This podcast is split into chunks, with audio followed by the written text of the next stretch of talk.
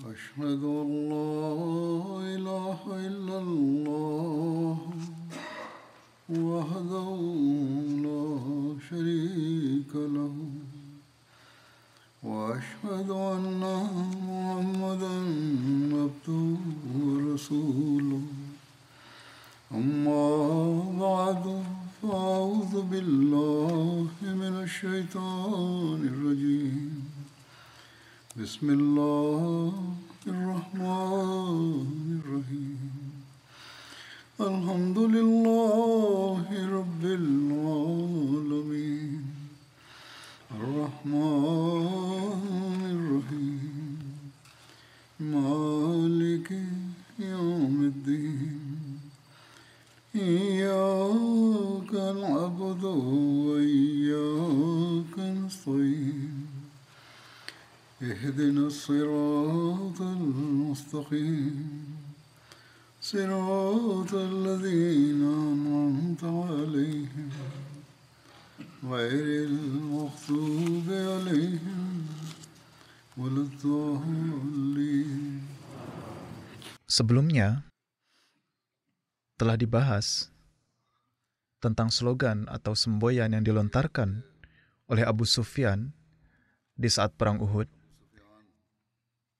Ia mengagungkan berhala-berhalanya sehingga hal itu membangkitkan gejolak Rasulullah Shallallahu Alaihi Wasallam terhadap wujud Allah Taala.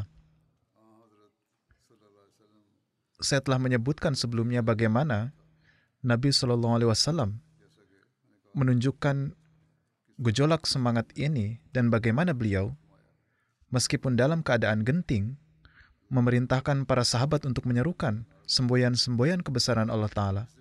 Saya akan menyajikan referensi lebih jauh mengenai hal ini.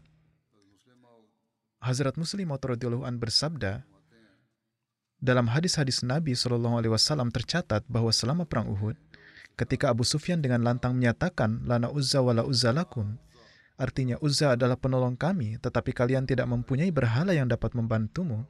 Saat itu Nabi Muhammad Shallallahu Alaihi Wasallam bersabda kepada kaum Muslim, katakanlah lana maula wala maula lakum, yakni pelindung dan penolong kami adalah Tuhan kami yang maha hidup dan berdiri sendiri. Tetapi kalian tidak mempunyai pelindung atau penolong. Hazrat Muslim Maud bersabda, Sungguh ungkapan yang luar biasa atas keyakinan anta maulana. Wahai Tuhan, engkaulah pelindung kami. Yakni, meskipun dikelilingi oleh pedang, mereka tetap teguh pada keyakinan bahwa hanya Allah yang dapat menyelamatkan kami. Pada kesempatan lain, beliau menyebutkan rincian lebih lanjut, ketika berita syahidnya Nabi Shallallahu Alaihi Wasallam sampai kepada umat Islam, mereka segera berbalik dan memindahkan beberapa jenazah dari atas tubuh beliau. Mereka mendapati bahwa Nabi Shallallahu Alaihi Wasallam masih hidup dan masih bernafas. Selanjutnya, hal pertama yang mereka lakukan adalah besi helm perang yang menancap di pipi beliau Shallallahu Alaihi Wasallam.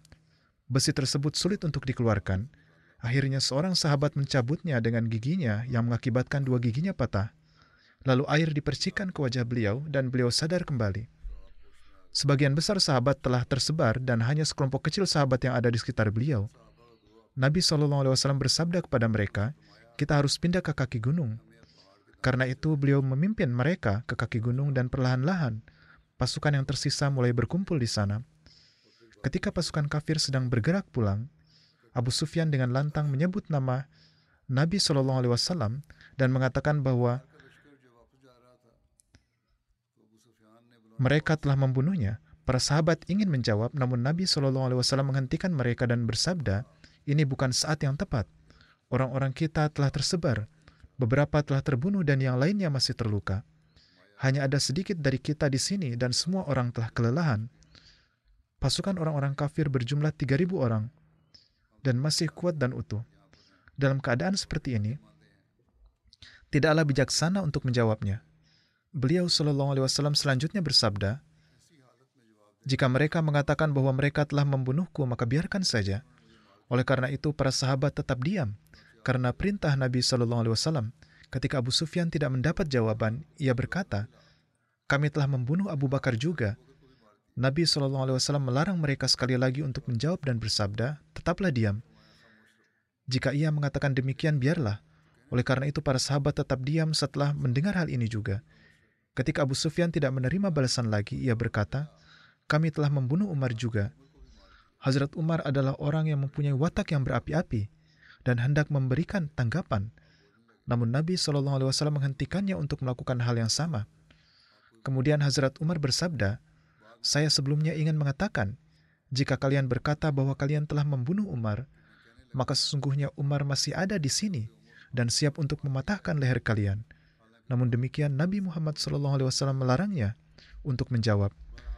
Ketika Abu Sufyan tidak mendapat tanggapan apa pun, ia berseru, Ulu Hubal, Ulu Hubal, yakni, wahai Hubal, berhala Abu Sufyan yang dianggap paling tinggi, maha agung namamu. Semoga Hubal dimuliakan. Jadi dengan kata lain, ia seolah berkata Hubal kami telah membunuh Muhammad Sallallahu Alaihi Wasallam dan para sahabatnya, nauzubillah. Mengingat Nabi Sallallahu Alaihi Wasallam telah melarang para sahabat untuk menjawab, mereka pun tetap diam pada kesempatan ini. Rasulullah Sallallahu Alaihi Wasallam bersabda untuk tetap diam dan tidak menanggapi pengumuman kematian beliau sendiri. Beliau mengatakan untuk tetap diam dan tidak menanggapi seruan wafatnya Hazrat Abu Bakar, beliau memerintahkan untuk tetap diam dan tidak menanggapi setelah mendengar seruan wafatnya Hazrat Umar. Beliau berulang kali mengatakan bahwa pasukan muslim telah tersebar ke sana kemari dan ada bahaya serangan dari musuh sehingga mereka harus mendengarkan dengan sabar apa yang Abu Sufyan katakan. Namun ketika kata-kata Ulu Hubal, Ulu Hubal terdengar di telinga sang wujud suci, maka gejolak kecintaan beliau pada tauhid membara karena sekarang yang dipermasalahkan bukan lagi tentang Muhammad Sallallahu Alaihi Wasallam, Hazrat Abu Bakar atau Umar, melainkan kemuliaan Allah Taala. Lalu Nabi Sallallahu Alaihi Wasallam bersabda dengan tegas, mengapa kalian tidak menjawabnya? Para sahabat bertanya, wahai Rasulullah Sallallahu Alaihi Wasallam, bagaimana seharusnya jawaban kami? Beliau berkata, katakanlah, Allahu Azza wa Jal, Allahu Azza wa Jal. Apakah hubal itu? Keagungan dan kemuliaan hanyalah milik Allah Ta'ala semata. Sungguh suatu contoh yang luar biasa akan semangat tauhid beliau Sallallahu Alaihi Wasallam. Beliau melarang para sahabat sebanyak tiga kali untuk menjawab, membuktikan bahwa beliau sangat menyadari bahaya dan bencana yang bisa menimpa. Beliau mengetahui bahwa tentara Muslim telah saling terpisah. Hanya sedikit orang yang tetap berada di dekat beliau. Sebagian besar sahabat beliau terluka dan sisanya kelelahan. Jika musuh mengetahui bahwa satu kelompok tentara Muslim telah berkumpul kembali, mungkin pihak musuh akan mempunyai keberanian untuk menyerang sekali lagi. Namun terlepas dari semua keadaan ini, ketika menyangkut kemuliaan Allah Ta'ala, beliau tidak bisa tahan lagi untuk berdiam diri. Dan meskipun musuh akan mengetahui keberadaan mereka, menyerang dan membunuh mereka, beliau tidak mampu untuk tetap diam lebih lama lagi. Oleh karena itu, beliau berkata kepada para sahabat, Mengapa kalian diam saja? Mengapa tidak mengatakan, Allahu Azza wa Jal, Allahu Azza wa Jal. Kebesaran dan keagungan hanya milik Allah. Hazrat Muslim Maud an telah menyebutkan semua ini dalam tafsir surah Al-Kausar. Kemudian dalam tempat lain beliau bersabda, jika jadi jika Anda ingin membaca rincian lebih lanjut tentang hal ini, maka bacalah tafsir kabir. Masih banyak hal lain dan siapa pun dapat menambah pengetahuan dari sana.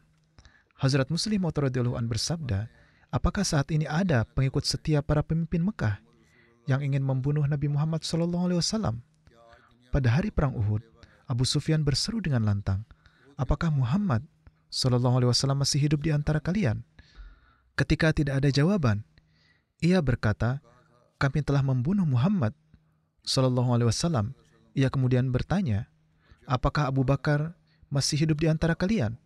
Karena tidak ada jawaban, ia pun berteriak, kami telah membunuh Abu Bakar. Ia kemudian bertanya, apakah Umar masih hidup di antara kalian? Sekali lagi, tidak ada jawaban. Karena itu ia berseru, kami telah membunuh Umar juga. Namun jika Anda hari ini pergi ke seluruh penjuru dunia dan menyeru tentang para pemimpin Mekah itu, seperti Abu Jahal, maka tanyakan, apakah ada nama Abu Jahal di antara mereka? Sebaliknya, Anda sekalian akan menemukan bahwa ada jutaan orang yang akan bersuara atas nama Muhammad Sallallahu Alaihi Wasallam dan seluruh dunia akan berseru bahwa Muhammad Sallallahu Alaihi Wasallam hadir di antara mereka karena merupakan suatu kehormatan bagi mereka untuk mewakili beliau Sallallahu Alaihi Wasallam. Namun saat memanggil nama Abu Jahal, Anda bahkan tidak akan mendengar satu suara pun di belahan dunia mana pun. Keturunan Abu Jahal mungkin masih ada di dunia hingga saat ini, namun tidak ada satupun dari mereka yang berani mengklaim bahwa mereka adalah keturunannya. Mungkin bahkan keturunan Utbah dan Syaibah pun masih ada hingga saat ini. Namun pernahkah ada yang mengatakan bahwa mereka termasuk keturunan pemimpin Mekah itu? Oleh karena itu hanya nama Nabi Muhammad SAW lah yang ditinggikan oleh Allah Ta'ala. Kemudian mengenai hal ini, Hazrat Masih Maud alaihissalam bersabda, ada ribuan rahasia yang tersembunyi di balik cobaan yang menimpa para nabi Allah. Nabi Shallallahu Alaihi Wasallam juga menghadapi sejumlah cobaan. Ada riwayat yang mencatat bahwa pada perang Uhud, beliau menderita 70 luka dan orang-orang kafir bergembira melihat keadaan kaum muslim. Oleh karena itu, seorang musuh yang meyakini bahwa Nabi Muhammad SAW dan para sahabatnya yang paling terkemuka pasti telah syahid, bertanya dengan suara lantang, apakah Muhammad masih ada di antara kalian? Nabi SAW memerintahkan para sahabat untuk tetap diam dan tidak menjawabnya. Keheningan mengirimkan gelombang kebahagiaan di hati penanya yang menganggapnya sebagai pembenaran bahwa beliau Shallallahu Alaihi Wasallam memang telah meninggal. Lalu ia pun berseru, dengan menanyakan pertanyaan serupa tentang Abu Bakar. Sekali lagi, keheninganlah yang diterima. Lalu ia bertanya tentang Hazrat Umar. Namun Hazrat Umar tidak dapat menahan diri dan berseru, Kamu adalah orang yang celaka. Dustalah apa yang kamu keluarkan. Mereka semua sungguh masih hidup. Menahan saat-saat yang menyakitkan seperti itu juga adalah penting karena setelah ini Nabi Shallallahu Alaihi Wasallam bersabda, bahwa sekarang orang-orang kafir tidak akan melancarkan serangan terhadap kita. Mungkin Hazrat Masih Maud alaihissalam di sini merujuk pada pertempuran Khandak yang terjadi setelah Uhud. Rujukan ini diambil dari Malfuzat, jadi bisa jadi yang mencatat lupa untuk menuliskan poin ini. Pada peperangan Khandak itulah Nabi Shallallahu Alaihi Wasallam bersabda, mulai saat ini orang-orang kafir tidak akan menyerang kita, tetapi kitalah yang akan menang. Sungguh keadaan peristiwa yang menyakitkan bagi Rasulullah SAW ketika beliau meninggalkan kampung halaman beliau di Mekah. Namun sekarang Tuhan telah mengubah keadaan mereka. Kemudian peristiwa syahidnya Hazrat Hanzalah juga dijelaskan. Selama pertempuran ini, kita menemukan keterangan bagaimana kesetiaan sahabat lain yang berani dan kesediaan mereka untuk mengorbankan dirinya demi kecintaan kepada Rasulullah SAW. Inilah sahabat yang istrinya menceritakan bahwa ketika suami saya mengetahui bahwa Rasulullah Shallallahu Alaihi Wasallam telah berangkat berperang, padahal saat itu suami saya wajib untuk mandi junub karena telah melakukan hubungan suami istri, lalu ia meninggalkan rumah untuk ikut berperang dengan terburu-buru, sehingga ia bahkan tidak menganggap perlu untuk mandi junub pada saat itu, dan segera pergi untuk berperang dengan pedang di tangan. Pada suatu ketika dalam pertempuran, Hazrat Hanzalah berhadapan dengan pemimpin kafir, yaitu Abu Sufyan yang sedang menunggangi kudanya. Hazrat Hanzalah memukul kuda Abu Sufyan, melukainya. Akibatnya Abu Sufyan terjatuh dari kudanya dan langsung berteriak-teriak begitu menyentuh tanah. Tidak lama setelah Hazrat Hanzalah mengangkat pedangnya untuk menghabisi Abu Sufyan, Saddad bin Aus, atau menurut salah satu riwayat namanya adalah Saddad bin Aswad, melihatnya. Bagaimanapun, ketika Sadat melihat Hanzalah mengangkat pedangnya untuk membunuh Abu Sufyan, ia mengayunkan pedangnya ke arah Hanzalah dan mensyahidkannya. Setelah syahidnya Hanzalah, Nabi Shallallahu Alaihi Wasallam bersabda bahwa para malaikat sedang memandikan sahabat kalian yaitu Hanzalah.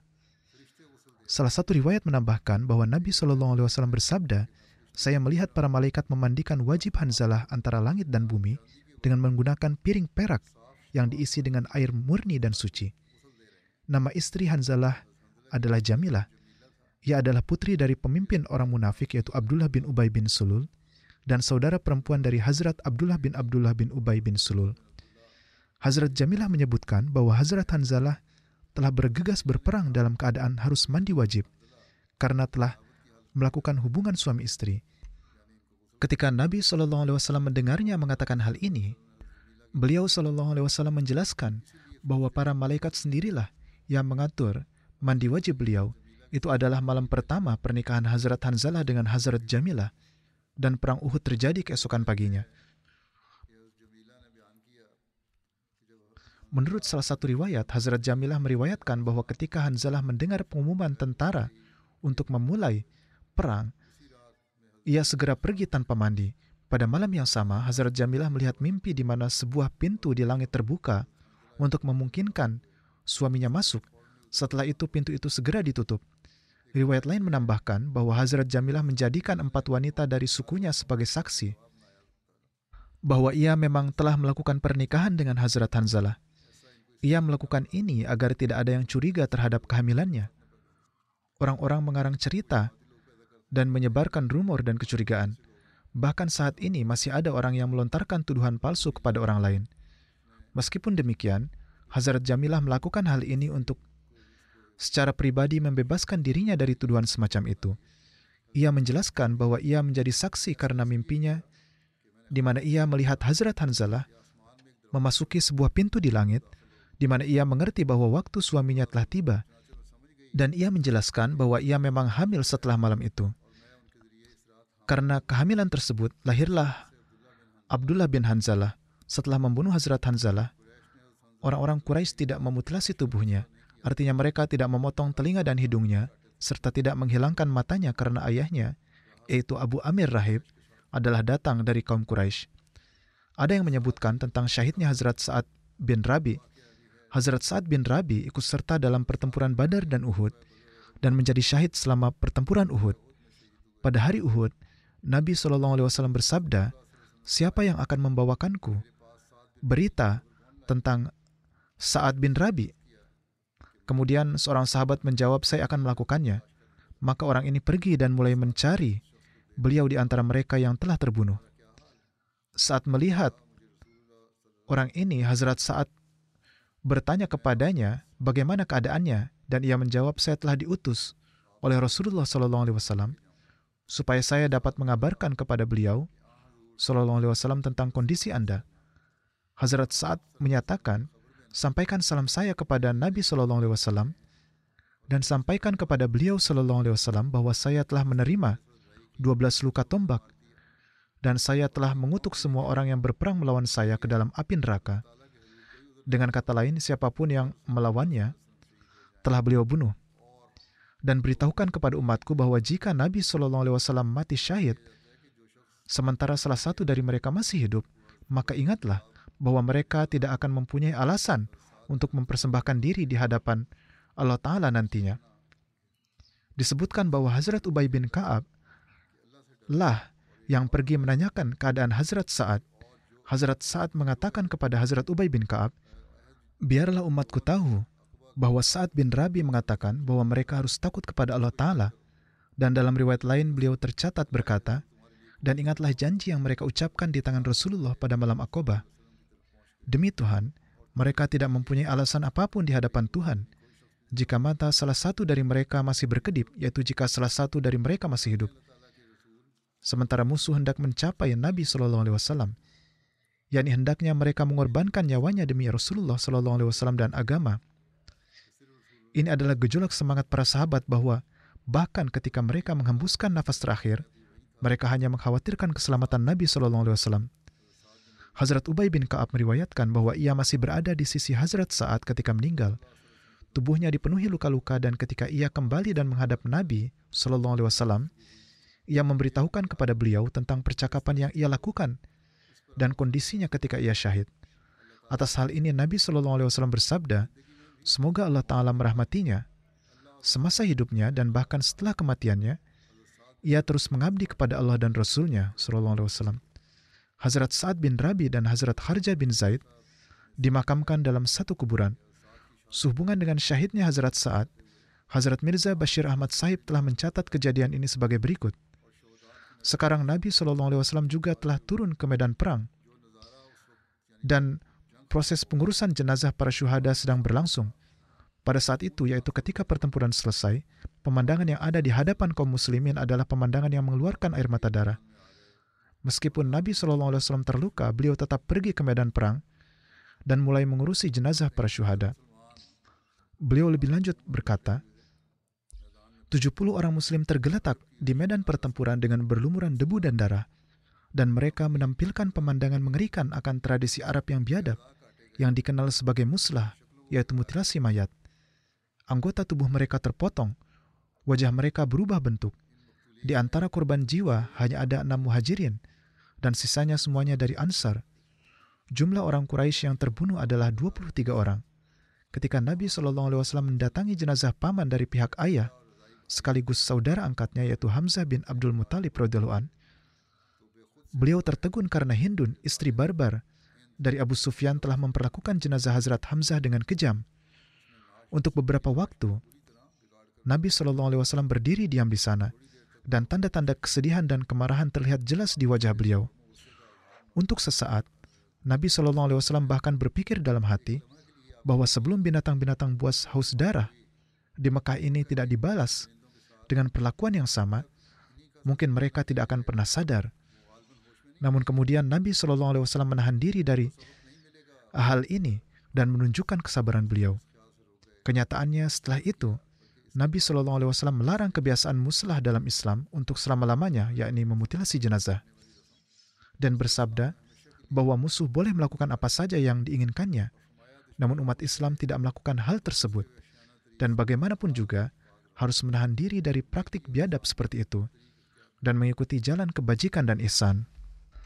Hazrat Mirza Bashir Ahmad Sahib lebih lanjut menulis, kaum Quraisy juga melakukan perlakuan biadab yang sama terhadap jenazah para sahabat lainnya. Jenazah Abdullah bin Jahash, yakni sepupu Rasulullah Wasallam dari pihak ayah pun telah sangat parah dirusak oleh mereka. Seiring Rasulullah Wasallam berpindah dari satu jenazah ke jenazah lainnya, tanda-tanda keperihan dan kepedihan tampak semakin jelas di wajah beliau.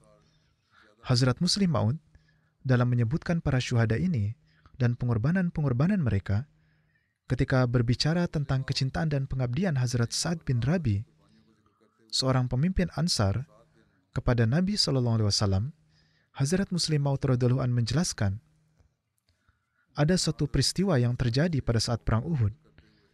Setelah pertempuran, Nabi Shallallahu Alaihi Wasallam mengutus Hazrat Ubay bin Kaab untuk pergi dan memperhatikan keadaan mereka yang terluka. Saat melihat para korban lain, beliau menemui Hazrat Sa'ad bin Rabi yang terluka parah dan sedang menghembuskan nafas terakhirnya. Hazrat Ubay bin Kaab bertanya, jika memiliki pesan terakhir yang ingin disampaikan kepada kerabat dan orang-orang tercinta, mohon sampaikan kepada saya.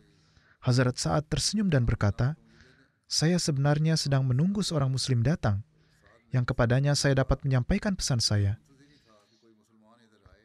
Berikan tanganmu di tanganku dan berjanjilah padaku bahwa kamu pasti akan menyampaikan pesanku. Jadi bahkan dalam keadaan seperti itu, Hazrat Sa'ad masih cukup sadar untuk memintanya meletakkan tangan di atas tangannya. Ini adalah tanda perjanjian yang hakiki. Berjanjilah kepadaku bahwa kamu pasti akan menyampaikan pesanku. Pesan beliau yang kemudian disampaikan adalah sebagai berikut. Sampaikan salamku kepada saudara-saudaraku, yakni kaum muslimin, dan sampaikan kepada kaumku dan sanak saudaraku bahwa Rasulullah SAW adalah amanat terbesar yang dianugerahkan Allah Ta'ala kepada kita, dan kita wajib untuk terus menjaganya. Aku sekarang harus pergi dari dunia ini dan menyerahkan amanat ini kepada Anda sekalian. Janganlah kalian menunjukkan kelemahan dalam penjagaan ini. Hazrat Muslim Maud bersabda, Renungkanlah, pada saat ketika seorang manusia mengetahui bahwa ia sudah akan mati, maka ia mempunyai segala macam pemikiran di dalam hatinya. Ia pasti berpikir tentang keadaan yang harus dihadapi istrinya, atau siapa yang akan mengurus kebutuhan anak-anaknya. Namun sahabat ini tidak menyampaikan pesan semacam itu, dan hanya mengatakan bahwa ia akan meninggalkan dunia ini dalam melindungi Nabi Shallallahu Alaihi Wasallam. Dan kaum Muslim harus melakukan hal yang sama dan mengikuti jalannya. Kekuatan iman di dalam diri para sahabat inilah yang kelak melakukan revolusi di dunia dan menaklukkan kekuasaan Romawi dan Persia. Kaisar Romawi tercengang mengetahui siapa orang-orang ini. Demikian juga, Kisra menulis kepada salah satu jenderalnya bahwa jika ia tidak bisa mengalahkan orang-orang Arab, maka ia harus kembali dan duduk saja di rumah dengan memakai gelang, yaitu agar mereka tetap tinggal saja bersama para wanita, karena apa gunanya mereka pergi berperang. Kisra juga menyatakan kepada jenderalnya bahwa orang-orang Arab adalah orang-orang yang makan makanan sampah.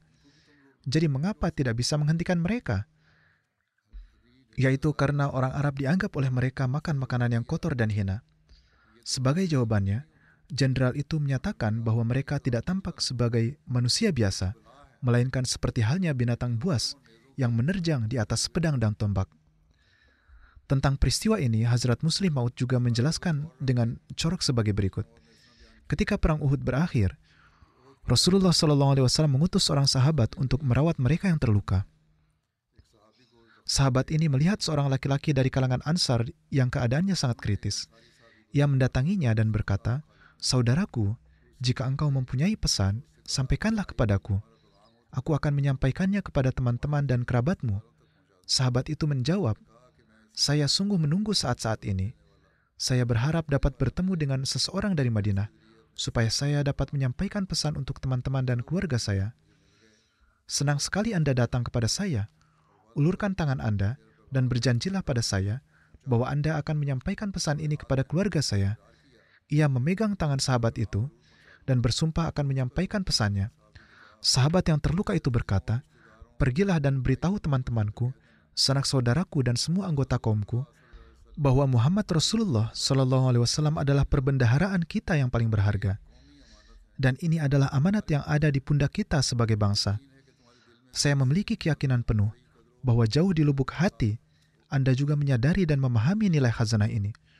Oleh karena itu, saya menganggap sudah menjadi tugas saya untuk menyampaikan pesan ini kepada Anda bahwa sampai kita menghembuskan nafas terakhir, kita tidak boleh melanggar kepercayaan yang telah diberikan kepada kita ini.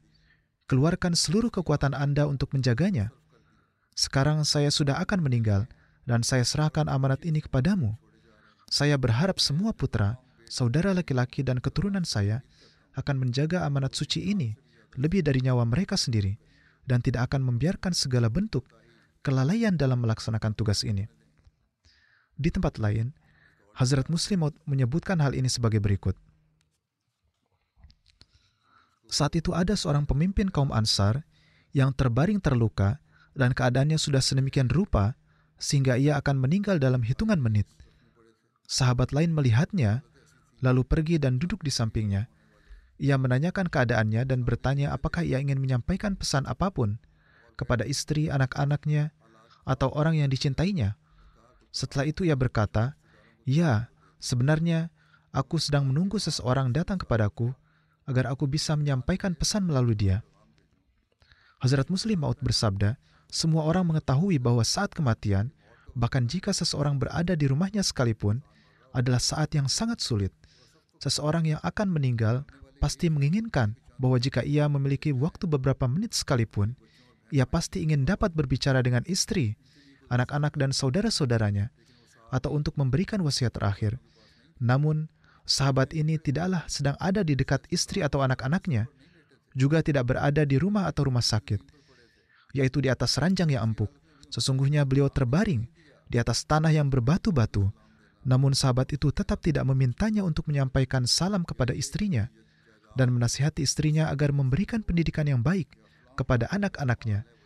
Dan beliau juga tidak memerintahkan agar hartanya dibagi sedemikian rupa, yaitu dengan berkata bahwa ia mempunyai sejumlah kekayaan yang disimpan di tempat ini dan itu, dan supaya diambil dari sana. Karena sahabat itu memang adalah seorang pemimpin suku. Namun beliau bersabda, sampaikan pesan ini kepada anak-anak dan saudara-saudaraku, bahwa Muhammad Rasulullah SAW adalah amanat paling berharga yang diberikan kepada kalian dari Allah Ta'ala hingga nafas terakhirku, aku mengorbankan hidupku demi menjaga amanat ini dan sekarang dalam wasiat terakhirku kepada saudara-saudara dan anak-anakku tercinta adalah bahwa mereka juga harus menjaga amanat ini dengan nyawa mereka. Setelah itu beliau menghembuskan nafas terakhirnya. Jadi inilah contoh ungkapan kecintaan kepada Rasulullah SAW yang benar-benar membuat manusia tercengang. Semoga Allah Taala pun meningkatkan semangat kecintaan kepada Nabi SAW dalam diri kita juga. Ketika kita menumbuhkan semangat ini, kita sesungguhnya memperkuat ikatan kita dengan Allah Taala, dan kita tengah berusaha sungguh-sungguh untuk menghilangkan kelemahan-kelemahan kita, agar kita dapat menunjukkan ajaran Islam yang sebenarnya dalam ibadah, budi pekerti, dan keseharian kita Semoga Allah Ta'ala memberi kita karunia untuk mengamalkannya. Saya akan memimpin surat beberapa jenazah dan juga akan menyebutkan beberapa rincian tentangnya. Yang pertama adalah Tuan Dr. Mansur Sabuti Sahib dari Yaman. Tuan Mansur Sabuti Sahib dipenjara di Yaman karena menjadi seorang Ahmadi. Beliau wafat saat berada di penjara pada tanggal 26 Januari 2024 pada usia 63 tahun. Innalillahi wa inna ilaihi roji'un. Karena beliau wafat ketika berada di penjara, dan pemenjaraan beliau disebabkan karena beliau adalah seorang Ahmadi. Terlebih lagi beliau tidak mendapatkan perawatan medis yang layak dan mungkin beliau juga diperlakukan dengan buruk.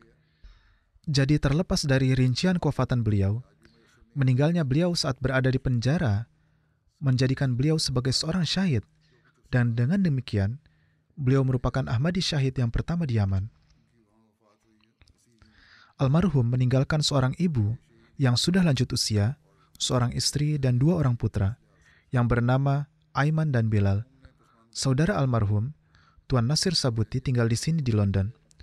Saudaranya menuturkan bahwa jenazah telah diserahkan kepada putra beliau pada tanggal 1 Februari. Namun karena hampir semua orang Ahmadi di penjara di sana, maka orang-orang gair Ahmadilah yang melaksanakan sholat jenazah dan menguburkannya. Tuan Nasir Sabuti Saib menuturkan bahwa kakek mereka, Tuan Abdullah Muhammad Usman Sabuti, adalah Ahmadi pertama di Yaman. Sementara ayah dari Tuan Dr. Mansur Sabuti, yaitu Tuan Mahmud Abdullah Sabuti, adalah mubalik pertama di Yaman yang memperoleh gelar syahid. Ibu almarhum adalah Nyonya Syahruh Nasrin Sahiba, yang merupakan putri Tuan Syed Basir Ahmad Shah Sahib dari Rabuah dan Nyonya Faruk Hanum Sahiba. Nyonya Faruk Hanum Sahiba berasal dari keluarga besar Junud dan ia bersama ibunya yaitu Nyonya Halimah Banu Sahiba dan saudaranya yaitu Tuan Syed Haji Junudullah Sahib mendapat karunia untuk memenuhi perintah Rasulullah SAW yaitu ketika Imam Mahdi datang maka bayatlah meskipun ia harus merangkak di atas salju maka mereka berjalan kaki dari Kashgar, melewati pegunungan yang tertutup es, dan mencapai Kadian dan melakukan bayat. Ibu dari Tuan Mansur Sabuti Sahib adalah berasal dari keluarga ini, dan neneknya dari pihak ibu juga ikut serta ketika mereka berjalan di atas salju. Putranya, Bilal Sabuti menulis mengenai peristiwa kesyahidan beliau. Tentara keamanan masuk rumah kami, mereka mendorong ayah kami dan menodongkan pistol ke dadanya, dan kemudian mereka hendak membawa saya dan ayah saya. Ayah saya meminta mereka untuk membunuh dirinya saja dan meminta supaya melepaskan saya, yaitu putranya di sini. Ketika orang Gair Ahmadi melaksanakan sholat jenazah, putranya saat itu masih berusia 16 tahun dan ikut serta dalam pemakaman, dan tidak ada laki-laki Ahmadi lainnya saat itu. Bagaimanapun, Putranya lebih lanjut menuturkan, mereka merampas uang dari ayah saya dan menuduh beliau telah menerima uang dari luar negeri. Namun ayah saya membantah menerima uang dari luar negeri dan mengatakan kepada mereka bahwa itu adalah uangnya sendiri dari hasil pekerjaannya. Ini adalah tuduhan dan kebohongan yang disebarkan oleh para ulama terhadap Ahmadiyah, yaitu bahwa kami nauzubillah mengambil uang dari kekuatan-kekuatan barat dan menggunakannya, dan bahwa kami mempunyai agenda melawan Islam. Padahal kenyataannya, setiap Ahmadi menyebarkan pesan Islam ke seluruh dunia dengan memberikan pengorbanan hartanya dan juga melayani kemanusiaan. Bagaimanapun ini adalah penjelasan yang cukup rinci untuk dilanjutkan. Sekarang saya akan membaca apa yang ditulis oleh istri beliau. Menuturkan, mereka yang memenjarakannya memperlihatkan kepada saya tempat di mana mereka memenjarakan suami saya –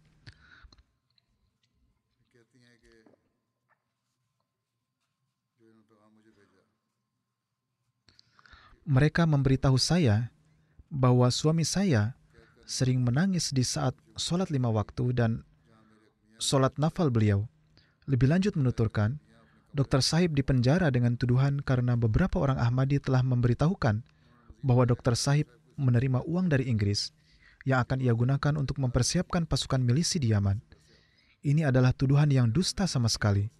Dan setelah diselidiki, mereka pun menemukan bahwa hal tersebut sama sekali tidak benar. Mereka hendak melepaskan beliau namun kesehatan beliau memburuk karena kegelisahan akibat kesukaran yang beliau alami. Demikian pernyataan orang-orang yang disampaikan kepada istri beliau. Mungkin saja perwira di komando tinggi mempunyai sikap yang berbeda, tetapi tentara di bawahnya yang justru mengambil keputusan mereka sendiri, sehingga perlakuan kasar mereka pun berdampak pada kesehatan beliau. Bagaimanapun saudara kandung beliau, Tuan Nasir Sabuti Saib menulis mengenai almarhum, saudara kami, Tuan Dr. Mansur Sabuti sangatlah baik dan penuh perhatian.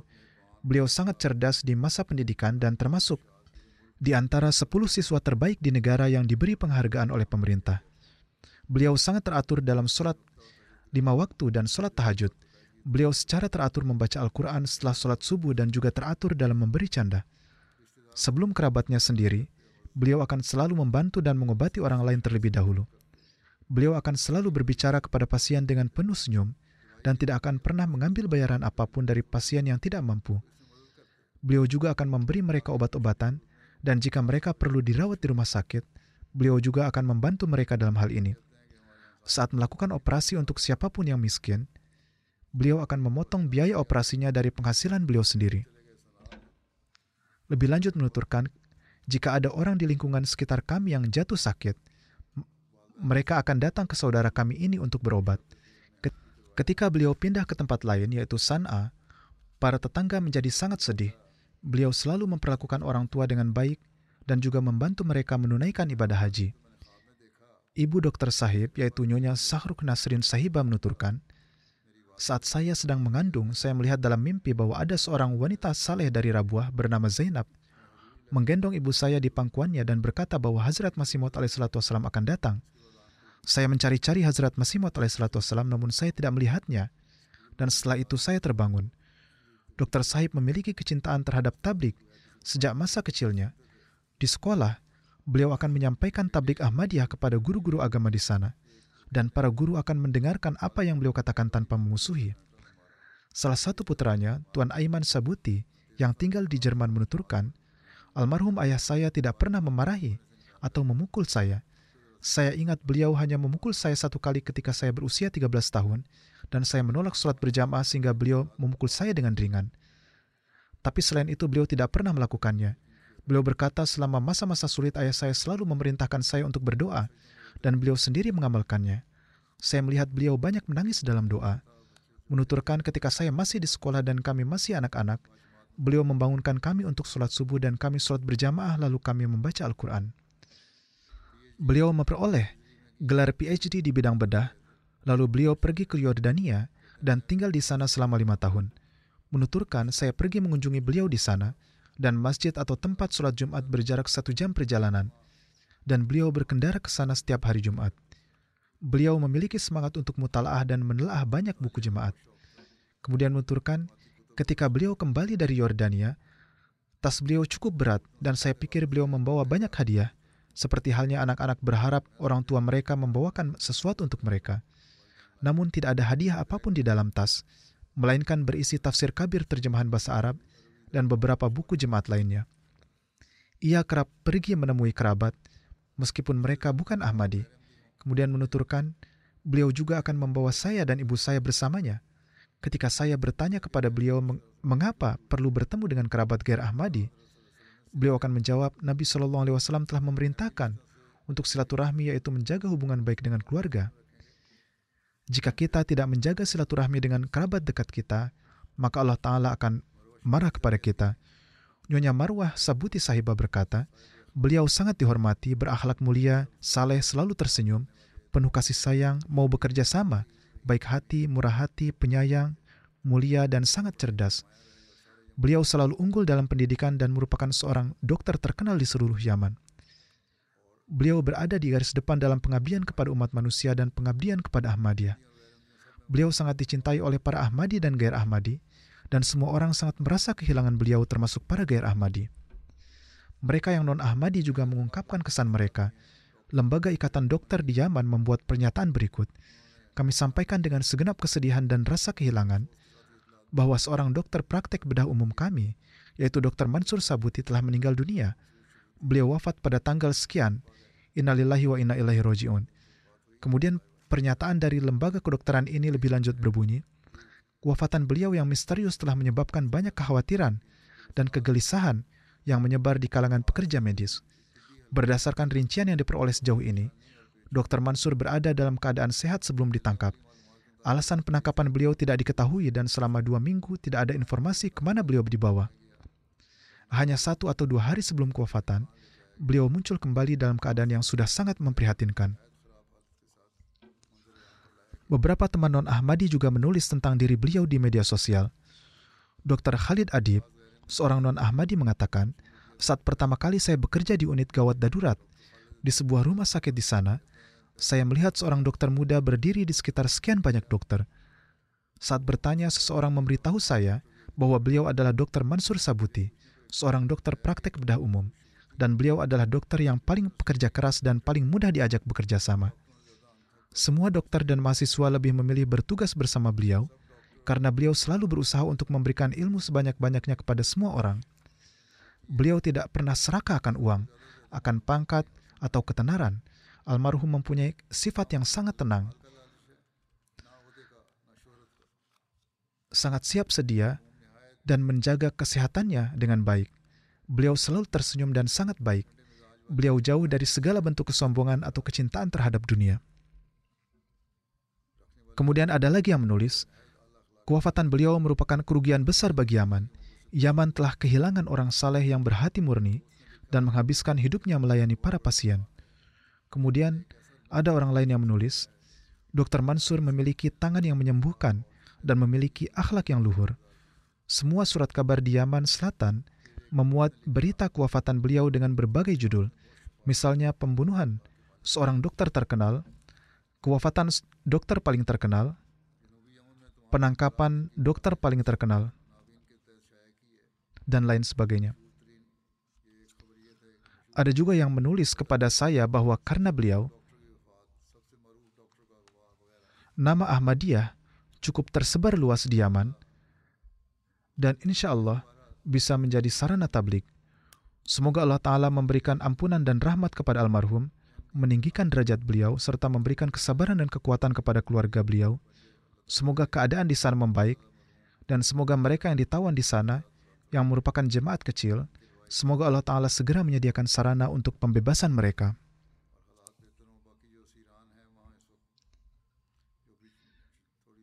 Jenazah yang kedua adalah Tuan Salahuddin Muhammad Saleh Abdul Qadir Ode yang merupakan ayah dari Tuan Syarif Ode, Amir Jemaat Kababir.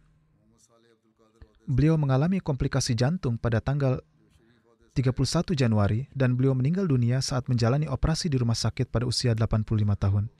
Innalillahi wa inna ilaihi roji'un. Almarhum adalah seorang musi. Beliau meninggalkan istrinya, tiga putra, Tuan Muhammad Syarif Ode, Tuan Munir Ode, dan Tuan Amir Ode, serta seorang putri Manal Ode. Beliau memiliki cucu laki-laki dan perempuan. Dua cucunya, yaitu Masrur Munir Ode dan Bashiruddin Mahmud Ode, masing-masing sedang belajar di Jamiah UK dan Jamiah Kanada.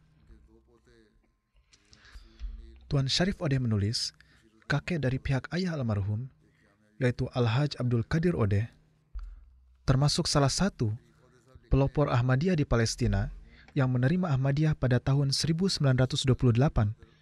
Setelah beliau, kakek buyut dari pihak ayah, yaitu Abdul Qadir Ode, juga menyatakan bayat dan beberapa waktu kemudian Ayah almarhum yaitu Muhammad Odeh pun berbaiat. Demikianlah atas karunia Allah Ta'ala, ayah almarhum, kakek dari pihak ayah, dan kakek buyut dari pihak ayah, semuanya adalah Ahmadi. Beliau lahir pada tahun 1938 dan terlahir sebagai seorang Ahmadi.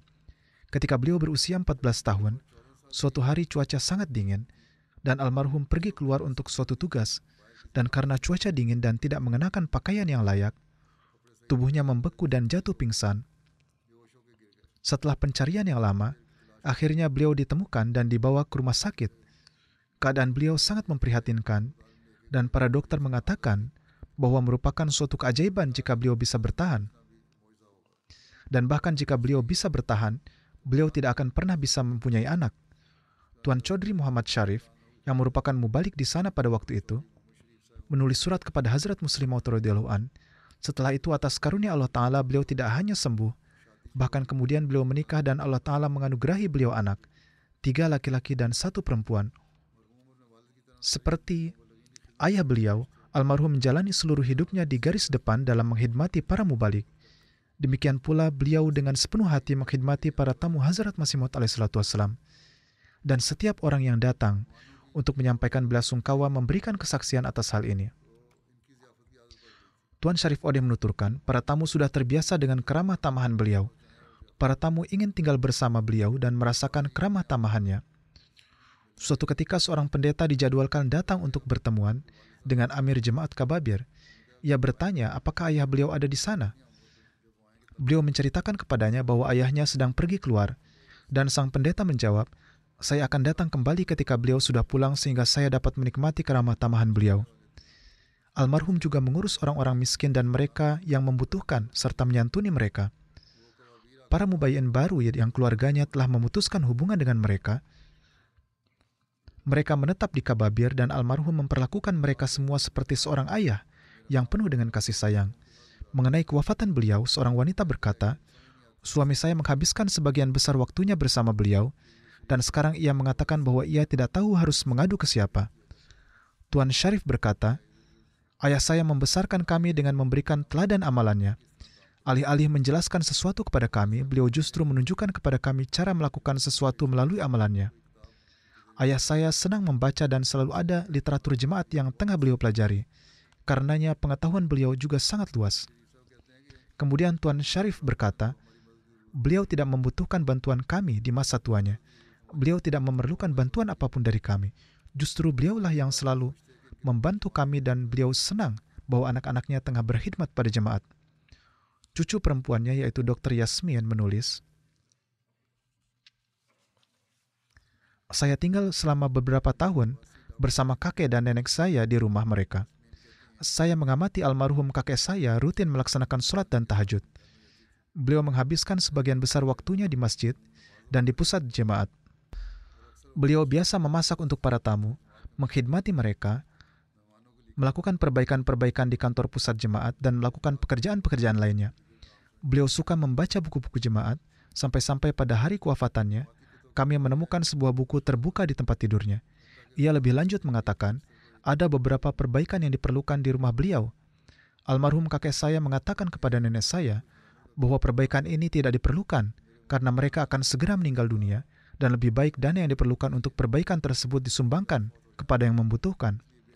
Selama operasi jantungnya, para dokter tidak hanya melihat bahwa jantungnya sangat lemah, tetapi juga pembuluh darah hampir tersumbat. Mereka tercengang melihat bagaimana beliau dapat beraktivitas sampai saat ini. Bagaimanapun, beliau berdoa supaya tetap dapat beraktivitas hingga akhir hayatnya. Dan demikianlah yang terjadi hingga saat-saat terakhir beliau beliau terus bekerja dan tidak pernah bergantung pada siapa pun. Tuan Syarif Ode berkata, ayah saya menginfakkan uangnya untuk orang lain dengan tulus. Suatu hari, seorang kerabat yang berusia lanjut meminta bantuan, maka ayah saya pun menyerahkan semua yang ada di sakunya saat itu juga. Ketika almarhum Maulana Fazl Ilahi Bashir Sahib menjadi mubalik di Kababir, beliau meminta almarhum untuk menyumbangkan dana untuk Masjid Kababir. Saat itu beliau memperoleh sejumlah besar uang dari suatu sumber – Beliau lalu menyumbangkan seluruh uangnya untuk masjid. Seorang remaja juga menulis, ketika beliau menjalani operasi hernia, saya bertanya tentang kesehatan beliau, dan beliau menjawab bahwa beliau sangat kesakitan.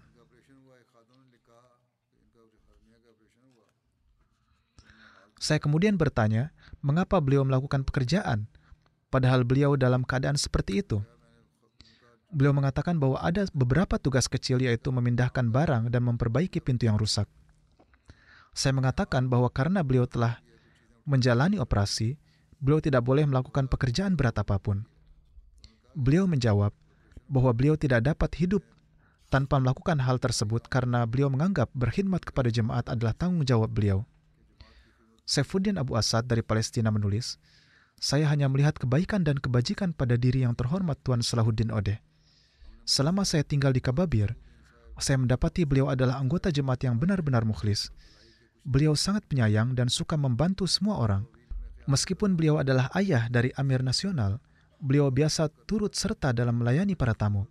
Karena keramah tamahannya, setelah sekian lama saya baru menyadari bahwa beliau adalah ayah dari Amir Sahib. Beliau sangat rendah hati, kemudian seseorang memberitahu saya bahwa beliau adalah ayah dari Amir Nasional. Dr. Aiman Al-Maliki mengatakan, segera setelah mengimami sholat subuh, beliau langsung pergi ke Langgarhana, yaitu dapur jemaat, dan bekerja tanpa kenal lelah hingga malam hari. Ini adalah rutinitas beliau selama tujuh hari dalam seminggu. Beliau sangat mencintai khilafat dan sangat menghormati nizam jemaat. Sampai-sampai beliau tetap berdiri ketika melihat Amir Nasional, meskipun itu adalah putranya sendiri beliau dengan penuh semangat sibuk berkhidmat kepada jemaat, bertablik dan memenuhi tanggung jawabnya hingga akhir hayatnya. Contoh dari semangat seperti itu jarang terjadi. Beliau menyaksikan empat era khilafat, dan beliau biasa melakukan diskusi yang sangat menarik mengenai topik khilafat ini. Tuan Muhammad Alawana menulis, saya bayat 20 tahun yang lalu, setelah itu saya pergi ke Kababir. Beliau menyambut saya dengan penuh cinta dan ketulusan, saya selalu melihat beliau mengkhidmati jemaat. Meskipun usia beliau sudah lanjut, beliau memperlihatkan contoh keikhlasan dalam berkhidmat yang tidak bisa dilihat di kalangan pemuda sekalipun. Beliau sangat penuh kasih sayang dan penuh rasa simpati. Nyonya Namal Ajwa menulis, saya berasal dari kota Al-Khail. Ketika saya datang ke sini ke Kababir bersama kedua anak saya, saya saat itu tidak punya rumah untuk ditinggali almarhum menyuruh saya untuk menitipkan putri saya dalam perawatannya, sementara saya bisa tinggal di Daruziafat. Selama satu setengah bulan, beliau merawat putra-putri saya, memberi mereka makanan dan memenuhi kebutuhan mereka yang lain. Beliau layaknya ayah yang penuh kasih sayang bagi saya. Dengan kewafatannya, saya merasa jiwa saya telah meninggalkan tubuh saya. Tuan Syamsuddin Mubalik Kababir menulis, Beliau tidak suka membuang barang-barang lama dari masjid atau rumah misi. Sebaliknya, beliau memperbaiki barang-barang itu hingga menjadi seolah-olah masih baru dan dapat digunakan kembali. Ini adalah cara menghemat uang yang juga harus diterapkan di tempat-tempat lain.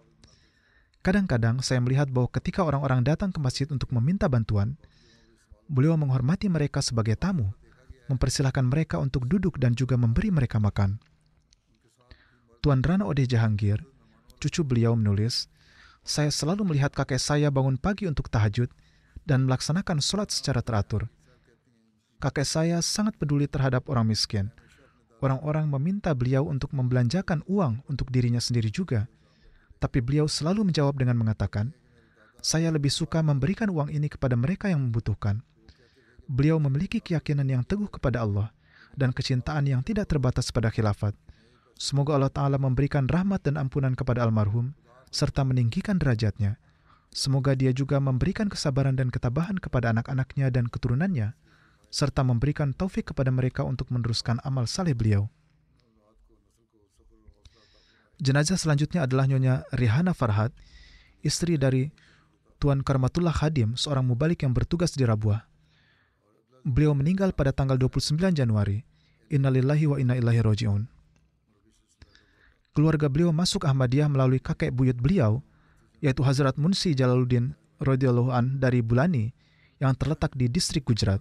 Nama beliau berada pada urutan pertama di antara daftar 313 sahabat yang dimasukkan dalam lampiran Anjami Atam oleh Hazrat Masih Maud alaihissalam. Beliau meninggalkan seorang suami, satu putra dan tiga putri. Putra beliau yaitu Tuan Ihsanullah saat ini bertugas sebagai mubalik di Spanyol beliau tidak dapat menghadiri sholat jenazah dan pemakaman ibu beliau karena sedang di lapangan pengkhidmatan. Dan ada juga beberapa sebab lainnya. Suami beliau, Tuan Karamatullah Hadim, adalah seorang wakaf zindegi dan mubalik. Menantu laki-lakinya yaitu Tuan Asif Mahmud Bad juga adalah seorang mubalik yang berkhidmat di Tanzania. Putranya, Tuan Ihsanullah, yang adalah seorang mubalik menulis, beliau selalu menjadi naungan doa bagi kami. Beliau biasa melaksanakan sholat tahajud yang penuh rintihan, Sambil bekerja, atau berjalan-jalan, beliau senantiasa menyenandungkan syair-syair Hazrat Masih Maud alaihissalam dan para khalifah yang mengandung doa. Dengan cara ini, anak-anak di sekitar beliau juga akan mempelajari syair-syair tersebut. Beliau rutin memberikan sedekah dan berkhidmat kepada jemaat. Selama kesehatannya memungkinkan, beliau rutin menghadiri dan berpartisipasi dalam acara-acara jemaat. Beliau sangat banyak bersyukur, kanaah, dan penyabar. Beliau bangga menjadi seorang wanita Ahmadi.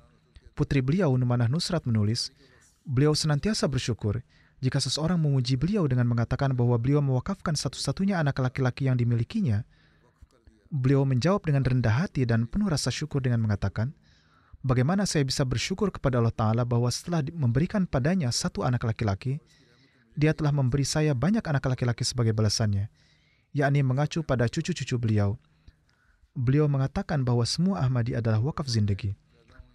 Beliau lahir di Rabuah dan beliau sangat senang melihat kemajuan Rabuah. Beliau dikenal sebagai wanita yang penuh semangat dan berakhlak baik. Selain sifat kanaah dan kesederhanaan, beliau menjalani hidup dengan kesopan santunan. Beliau mengungkapkan rasa syukurnya dengan mengatakan bahwa beliau diberikan semua kenyamanan hidup. Beliau tidak pernah mengeluh bahwa tunjangan seorang mubalik tidak mencukupi. Beliau biasa berkata, saya tidak bisa mendapatkan karunia-karunia yang saya miliki sekarang di tempat lain. Karena adanya tuntutan hukum terhadap jemaat, maka putranya harus bermigrasi pada tahun 2017.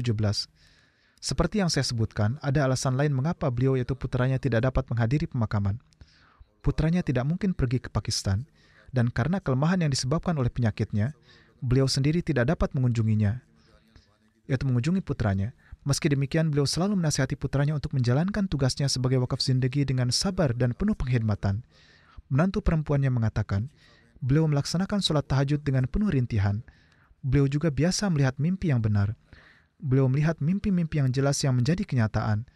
Kami semua tercengang saat menyaksikannya. Kemudian tertulis bahwa putra beliau harus bermigrasi karena beberapa tuntutan hukum. Dan karena sakit yang beliau derita, beliau tidak dapat mengunjungi putra beliau. Meski begitu, beliau tidak pernah mengungkapkan kesedihan apa pun. Beliau selalu berpesan kepada putranya untuk menjalankan wakaf dengan keteguhan. Beliau mengatakan bahwa sangat mudah untuk tetap saling terhubung pada saat ini dan beliau tidak pernah membiarkan rasa cinta dan naluri keibuan beliau menjadi rintangan bagi pekerjaan seorang wakaf. Seorang mengatakan kepada beliau bahwa sekarang sudah lama sekali dan jika beliau menulis surat kepada khalifah untuk mengizinkannya mengunjungi putranya maka akan dibuat pengaturan untuk beliau. Beliau menjawab bahwa beliau telah mewakafkan putranya dan tidak akan mengajukan permintaan seperti itu. Semoga Allah Ta'ala memberikan rahmat dan ampunan kepada beliau dan meninggikan derajat beliau dan semoga Allah Ta'ala menganugerahkan kesabaran dan ketabahan kepada keluarga beliau.